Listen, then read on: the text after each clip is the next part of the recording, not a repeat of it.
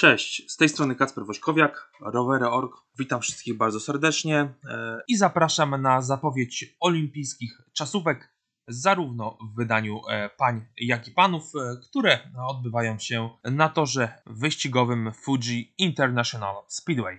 Zacznijmy od panów, potem, potem kobiety z udziałem Pawła Gazały, naszego redakcyjnego kolegi, który często bywa gościem naszych podcastów. Organizatorzy przygotowali 22-kilometrową rundę, runda wokół toru Fuji Speedway. Runda jednak troszeczkę inna niż podczas wyścigu e, ze startu wspólnego. Panowie pokonają ją dwukrotnie, więc łącznie 44 km, naprawdę bardzo trudne wyzwanie.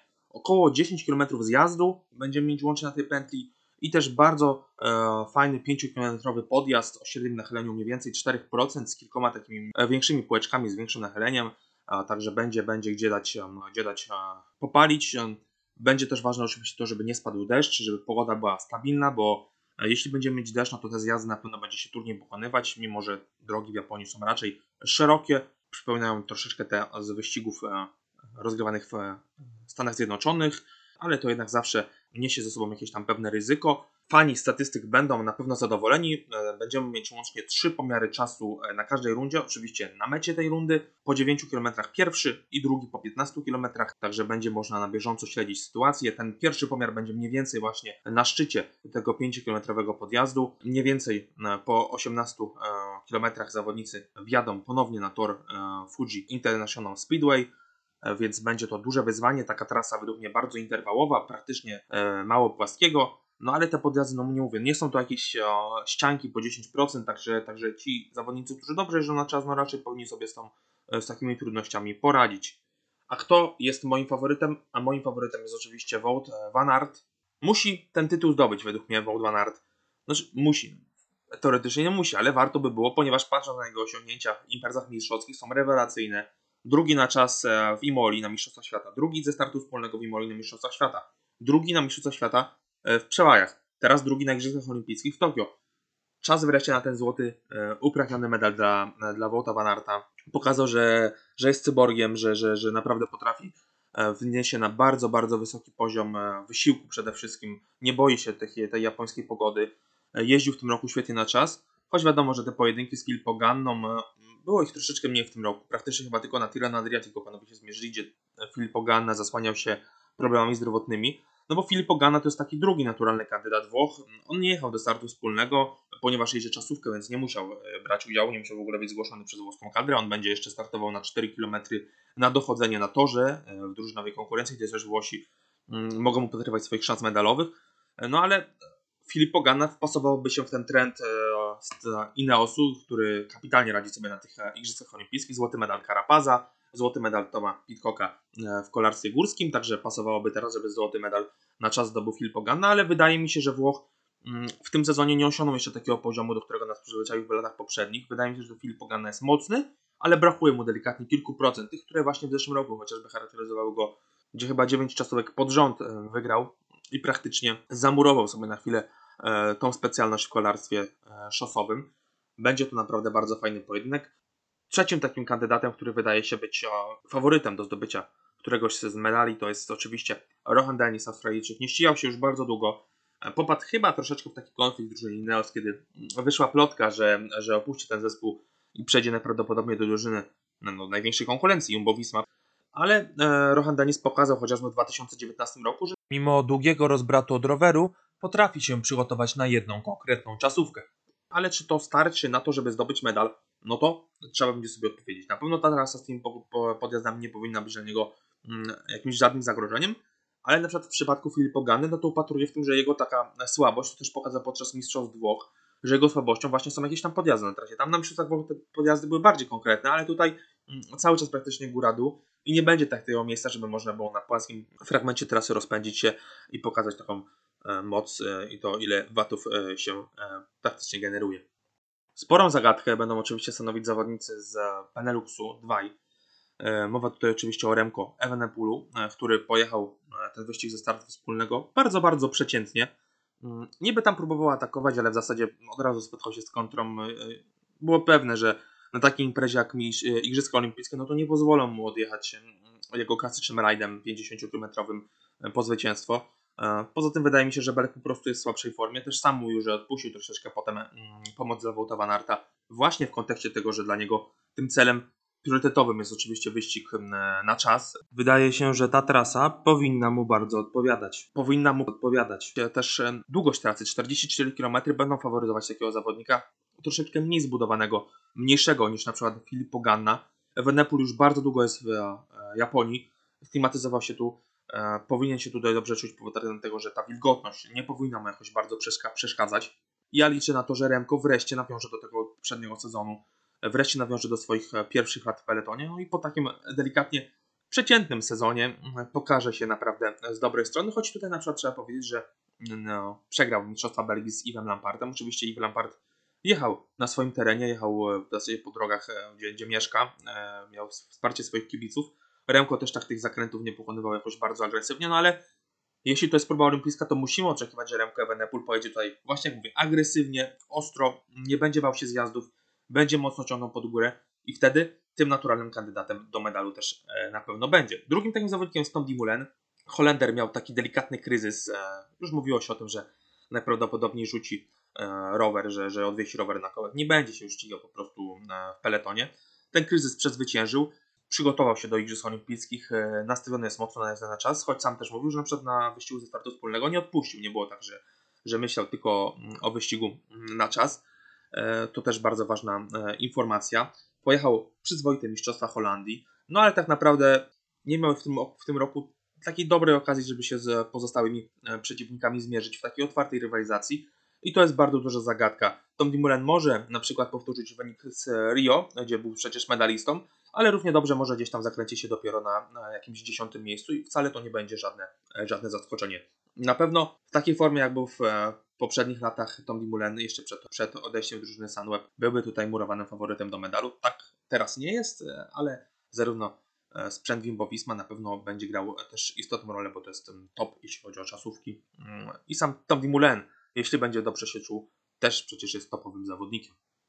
Jeśli popatrzymy sobie na całą listę startową, to jest naprawdę bardzo, bardzo dużo przyzwoitych nazwisk, jeśli chodzi o czasówki. Jest Stefan Küng, jest e, Primoz Roglic, jest Geraint Thomas, jest Remi Cavagna, ale ja niespodzianek i takich nietypowych e, kandydatów do zdobycia medalu, nie mówię oczywiście o złocie, raczej o brązowym medalu na przykład, no to upatruję w takich zawodnikach jak Aleksiej Łucenko, który pojechał świetną czasówkę na Dauphiné. Wydaje się być zawodnikiem dobrze dysponowanym, też e, Kazachowie potrafią na tych imprezach mistrzowskich wskakiwać na wyższą półkę, to chociażby pokazał chociażby Aleksander Winokurow w e, Londynie. I wydaje się, że Łucenko przy takiej pagórkowatej tracie, powinna, która powinna mu odpowiadać, no wydaje mi się, że on będzie gdzieś tam w czołówce się zakręcił. Top 10 na pewno. Czy walka o medal? Myślę, że, że jak najbardziej tak. Dwaj pozostali kandydaci, moi tacy kandydaci na dobry wynik to mm, Portugalczyk João Almeida, który powiedział, że e, w wyścigu ze startu wspólnego brakowało mu troszeczkę rytmu tego wyścigowego, to wiadomo, bo nie ścigał się od Giro d'Italia, e, ale patrzy e, teraz już na czasówkę, tam liczy na dobry wynik, choć na takiej próbie się jeszcze nie ścigał, oczywiście mowa tutaj o długości 44 km, rzadko takie czasówki ostatnio są spotykane mm, i na pewno będzie próbował dać siebie wszystko i przy dobrym, e, przy dobrym, dobrym układzie, przy tych pagórkach też zawodnik, który się dobrze w takim terenie spisuje. Nie jest to płaska czasówka, taka interwała powinna odpowiadać. Jeśli to będzie poziom, który zaprezentował na Giro d'Italia, to jak najbardziej Portugalczyk też może zakręcić się w walce o medale. I ostatnim moim kandydatem z drugiego szeregu to e, Kasper Razgren, Duńczyk. Mm, podczas Tour de France e, na drugiej czasówce wszedł na taki poziom czasówkowy, którego jeszcze nie prezentował w swojej karierze. Naprawdę pojechał bardzo, bardzo, bardzo przyzwoitą czasówkę, zajął drugie miejsce za Wołtem Van Artem Wcześniej oczywiście miał jakieś wyniki w czasówkach, chociażby na przykład wygrane Mistrzostwa Danii, no już trzy pod rząd, ale to jednak zawsze inny poziom niż taka czasówka World Tourowa czy czasówka e, na Wielkim Turze. E, I czas wreszcie teraz udowodnić, że też e, to będzie zawodnik, który, który potrafi ścigać się w tych imprezach mistrzowskich. Choć tutaj akurat taki delikatny znak zapytania to chciałbym położyć na tą, czy taka trasa pagórkowata będzie odpowiadać Duńczykowi. Ciężko sobie na to odpowiedzieć. Niby na Dauphiné pojechał bardzo dobrą czasówkę na taką pagórkowatą, Kiedyś potrafił chociażby walczyć o klasyfikację generalną w wyścigu Agentur w Kalifornia, ale ostatnio bardziej przebranżowił się w kierunku e, po prostu długich e, solowych akcji, ucieczek, czy też oczywiście klasyków, których w tym sezonie był jednym z objawień e, na, na bruku. Także zobaczymy, czy ta forma na tych pagórkach przejdzie do Duńczyka. Jeśli tak, to jak najbardziej też widzę w walce o medale.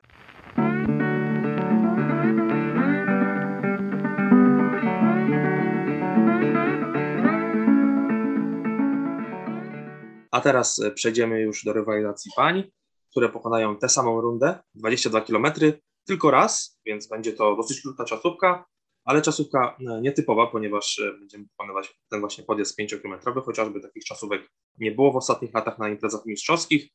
A my teraz przejdziemy do analizy faworytek. Paweł, powiedz nam najpierw, o co chodzi z Chloe Dagger. Nie ściga się prawie w ogóle w żadnych wyścigach, pojawia się teraz na Igrzyskach Olimpijskich, czy te ślady kontuzji z Imoli jeszcze widać? Czy, czy, czy, czy jest gotowa w 100% do rywalizacji? Jak e, będzie, jak oceniasz jej szanse na takiej e, trasie e, pogórkowatej, o której chyba nie, jest, nie czuje się jak ryba w wodzie? Cześć. Chloe Dygert to jest dla mnie bardzo duża zagadka na tej trasie. Tak jak pamiętamy, ona podczas Mistrzostw Świata w Imoli um, upadła na trasie, na trasie czasówki, zmierza, zmierzała wtedy po złoto. Mm, upadła, no i y, skończyło się to bardzo groźną kontuzją, rozcięciem nogi. Ślady tego na pewno są widoczne do dzisiaj, to, to, jest, to na pewno jest duż, bardzo duża blizna. Natomiast tak, tak jak powiedziałeś, no to nie, był, to nie był jej rok, ona nie startowała. To jest, no nie startowała, startowała w Mistrzostwach, Mistrzostwach Stanów Zjednoczonych dopiero w czerwcu. Mm, no i teraz w, na Igrzyskach Olimpijskich w wyścigu ze startu wspólnego. E, Mistrzostwo Stanów Zjednoczonych wygrała, e, więc to jest, e, to jest oczywiście jakiś tam wyznacznik. I wygrała przed Amber Neben i przed Lee, Lee Thomas, więc no jest to, jest to jakiś tam wyznacznik. Natomiast w stosunku do europejskiego poziomu, do reszty świata, no trudno tutaj coś powiedzieć więcej.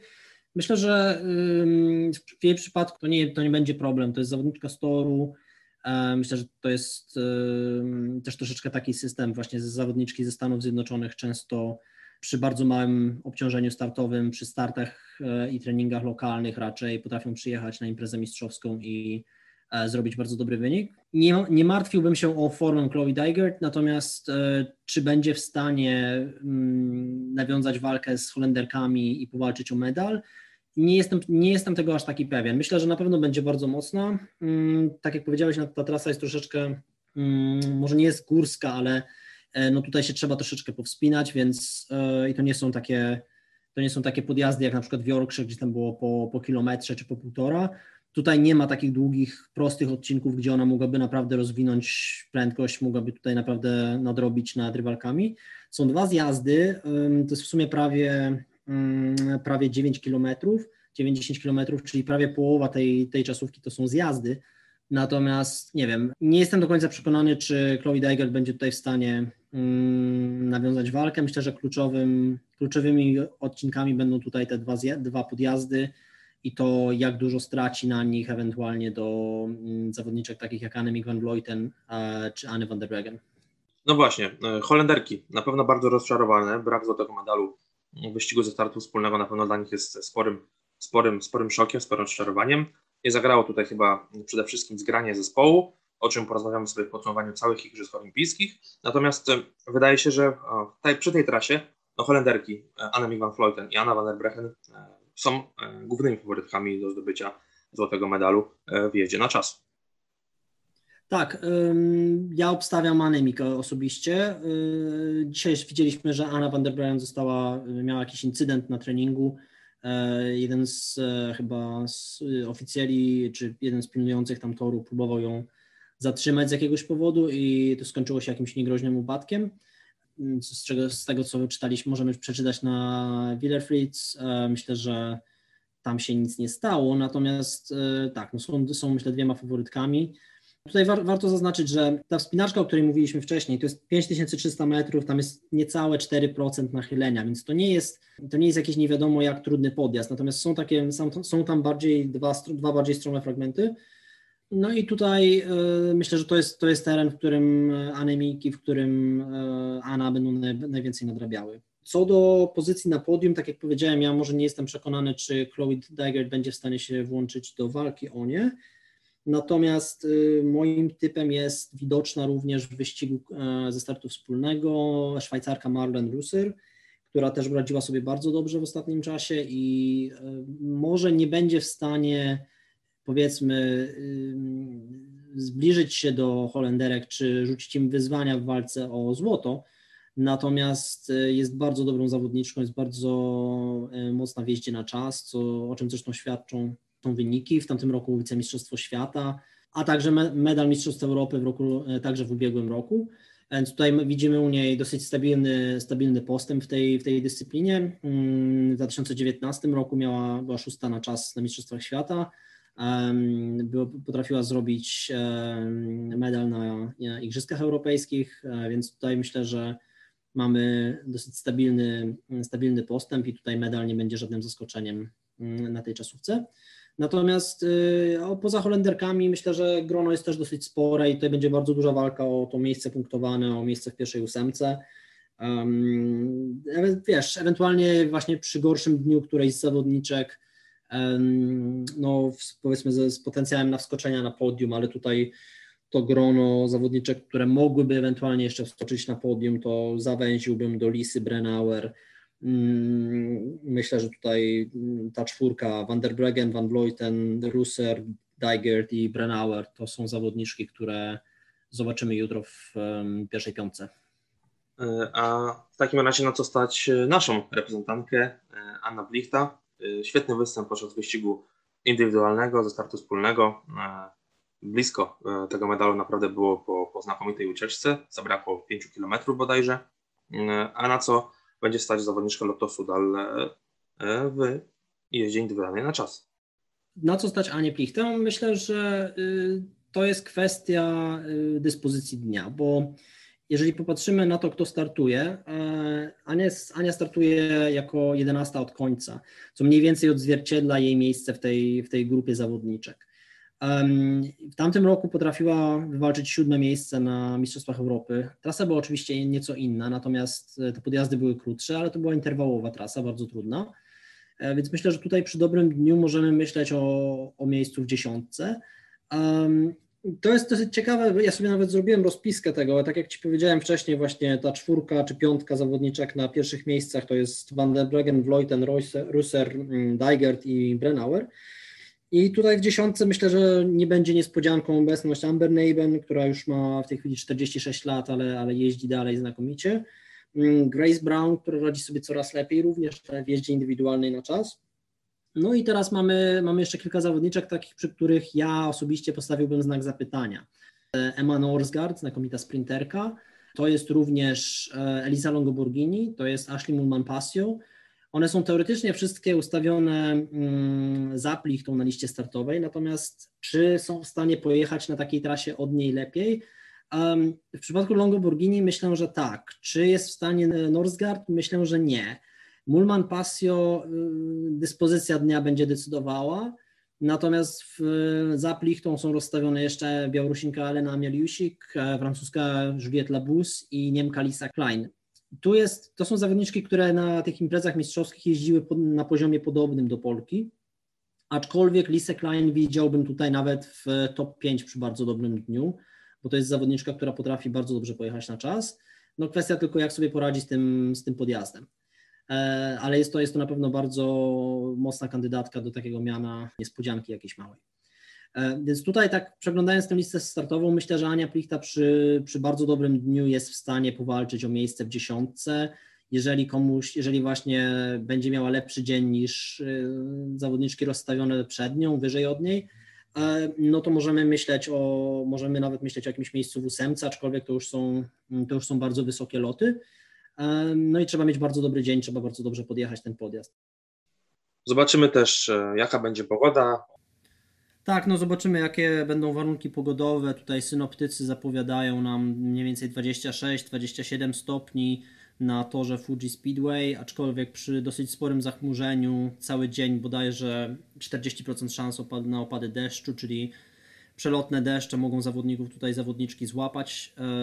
Miejmy nadzieję, że nie wpłynie to na rywalizację, nie, nie, sprawi, że, nie sprawi to, że niektóre zawodniczki będą czy zawodnicy będą rywalizowały na mokrym zjeździe czy na szosie, która uniemożliwi im rozwinięcie takiej prędkości, jaką, jaką by chcieli. Tutaj na, na pewno trzeba zwrócić uwagę, będzie znacznie bardziej wilgotno niż e, podczas wyścigów ze startu wspólnego. E, prognozowana wilgotność powietrza to około 81%, podczas wyścigów ze startu wspólnego to było na poziomie 60-65%. E, no więc mamy w zasadzie parę wodną i nawadnianie tutaj i rozłożenie sił na pewno będzie bardzo ważne. Natomiast na koniec jeszcze postawimy sobie takie typy nasze na miejsce na podium. Zacznij, zacznij może Paweł. Um, dobrze, to ja postawię tak. Ja powiem, e, złoto zdobędzie Annemiek van Vleuten, srebro zdobędzie Anna van der Breggen, a brązowy medal odbierze Szwajcarka Marlen Russer. To ja muszę się różnić, także u mnie będzie na pierwszym miejscu Anna van der Breggen, na drugim Annemiek van Vleuten, a na trzecim dam Chloe Dykert. Różnić, różnić się nie musisz, możesz postawić takie same typy jak ja. Nie no, musi być troszeczkę, potem jak sobie podliczymy wyniki na koniec igrzysk, no to muszą być jakieś tam różnice, a nie że to samo. Chyba, że ktoś postawi już na bezpiecznym, żeby utrzymać przewagę nad resztą, ale to... Typowanie redakcyjne zapowiada się ekscytująco, biorąc pod uwagę rozstrzygnię, rozstrzygnięcia wyników wyścigów ze startu wspólnego. E, nie sądzę, że kto, nie pamiętam, żeby ktoś z nas obstawiał Karapaza bądź Anem Kessenhofer. Nie. Także za dzisiejszy materiał dziękujemy. No i widzimy się już na podsumowaniu igrzysk. Zostawcie suba, łapki w górę, jeśli podobał Wam się ten materiał. Żegna się z Wami Kacper. Dziękujemy też Pawłowi za udział. Dzięki, do usłyszenia. Cześć.